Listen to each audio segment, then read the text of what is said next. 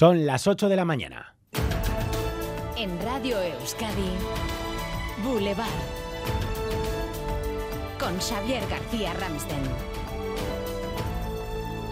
¿Qué tal, Egunon? De vuelta ya en este lunes 14 de agosto, en pleno Puente de la Virgen, en el que muchos empiezan y otros terminamos las vacaciones. Hoy es uno de los días de más movimiento del año en los aeropuertos. En Loyu, por ejemplo, esta mañana, eh, ¿son más los que vuelven o los que se van? Natalia Díaz, Egunon. Sí, bueno, pues sin duda los que se van a este aeropuerto a estas horas tan temprano y literalmente es un hormiguero, sin duda son más, como digo, los que se van que los que vienen. 153 operaciones están previstas solo para hoy en un día absolutamente récord. En las próximas media hora salen, para que os hagáis una idea, vuelos a Sevilla, Menorca, Mallorca, Alicante, Barcelona Oslo o Alemania. La gente está con muchas ganas, hay muchas colas entre los mostradores para facturar, no hay ni uno solo donde no haya nadie. Pues a disfrutar, a disfrutar, que es lo que les toca a muchos. Euskadi vuelve a ser este puente refugio para quienes huyen del calor. Hasta el miércoles nos esperan más nubes que sol. El jueves volverá el tiempo veraniego.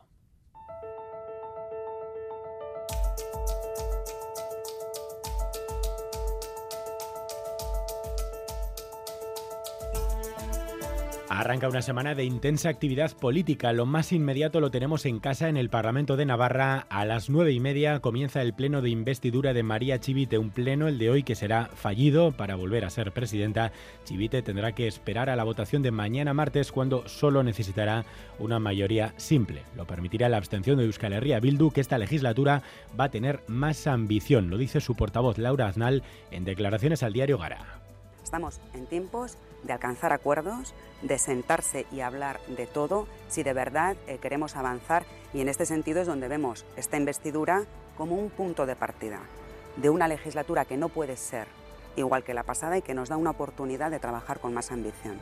Otra protagonista del Pleno será Usue Barcos, que deja el Parlamento de Navarra para volver a Madrid al Senado, donde sustituirá a Coldo Martínez como senador autonómico. Y ahí, en el Senado y en el Congreso, están fijadas también las miradas esta semana. El jueves se constituyen las Cortes. En el Senado el Partido Popular tiene mayoría absoluta, así que la presidencia está clara, pero en el Congreso todo está muy abierto. Ayer en La Vanguardia, el presidente de Coalición Canaria sorprendía al proponer que el PNV presida el Congreso. Recordamos que el presidente de esta Cámara es el tercer cargo más alto del Estado y que hasta ahora solo han ocupado este cargo miembros del PSOE, del PP y de UCD.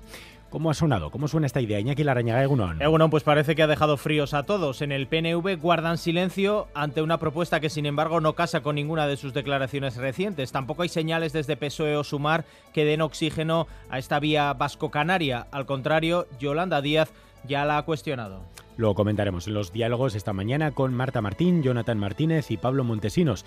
Invitaremos también a Enrique Juliana, que ayer entrevistaba al presidente de Coalición Canaria con esa propuesta del PNV para la presidencia del Congreso. Hablaremos también del papel de Junts, del papel de Puigdemont, clave sin duda para desatascar una posible investidura.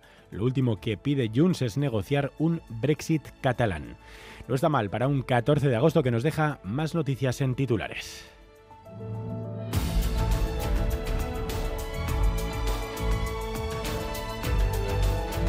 En Argentina, la ultraderecha arrasa en las primarias de las presidenciales. El candidato más votado, Javier Milei, que ha capitalizado el voto protesta con un discurso contra la casta. El economista ultraliberal ha obtenido por sorpresa el 30% de los votos en las elecciones primarias, lo que lo sitúa como uno de los favoritos para las presidenciales del 22 de octubre. El kirchnerismo que gobierna ha sido tercero. Debate electoral en Ecuador marcado por el atril vacío de Villavicencio. Sí, los siete candidatos restantes guardaron un minuto de silencio al inicio del debate y fuera de plató se quedó el que va a ser el sustituto del candidato asesinado, Cristian Zurita. Algunos de los candidatos han pedido mano dura contra la delincuencia, otros blindar las cárceles. Mientras tanto, la viuda de Villavicencio ha responsabilizado al Estado de la muerte de su marido. Y continúa dando que hablar el vídeo del Padre Nuestro en los vestuarios del Athletic. Sí, porque por primera vez en directo las cámaras de televisión emitían desde el interior de los vestuarios de San Mamés esta tradición, con el capitán Iker Muniain abrazado al resto del equipo rezando un Padre Nuestro.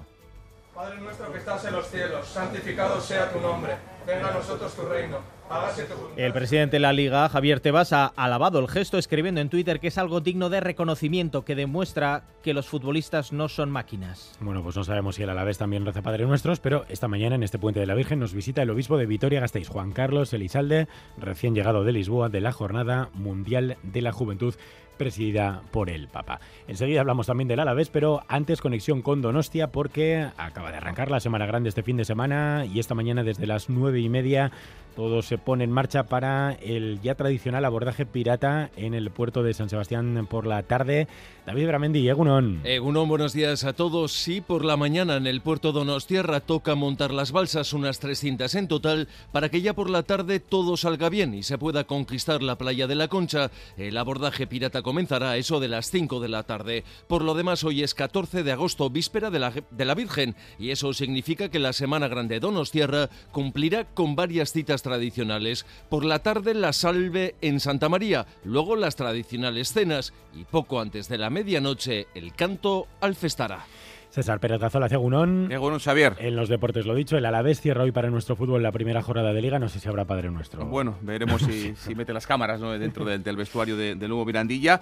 Dos meses después de lograr el ascenso, vuelve a primera el Deportivo Alavés y lo hace el equipo Gastisterra con la presencia de su última incorporación. El delantero Quique García ha llegado al Gorisco desde Osasuna para reforzar el ataque al azul. Desde las siete y media, el nuevo Mirandilla, Cádiz, Deportivo Alavés. Ayer, por cierto, Osasuna arrancó esta liga como terminó la anterior, ganando.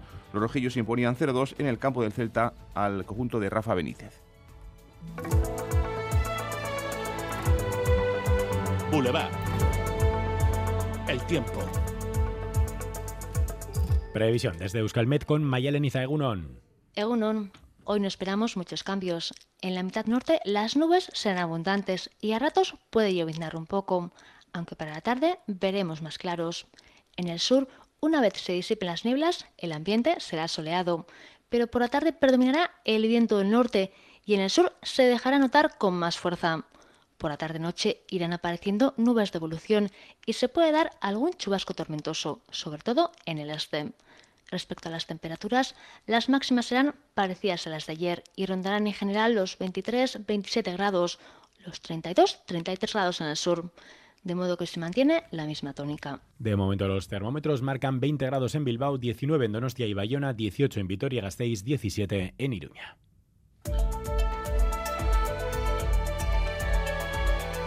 Boulevard. Tráfico. Mañana muy tranquila, sin incidencias en las carreteras, según nos informa el Departamento de Seguridad del Gobierno Vasco y la Policía Foral de Navarra. Ayúdanos a mejorar nuestra información con tus comentarios, fotos y vídeos. Envíalos al WhatsApp de Radio Euskadi 688 840 840.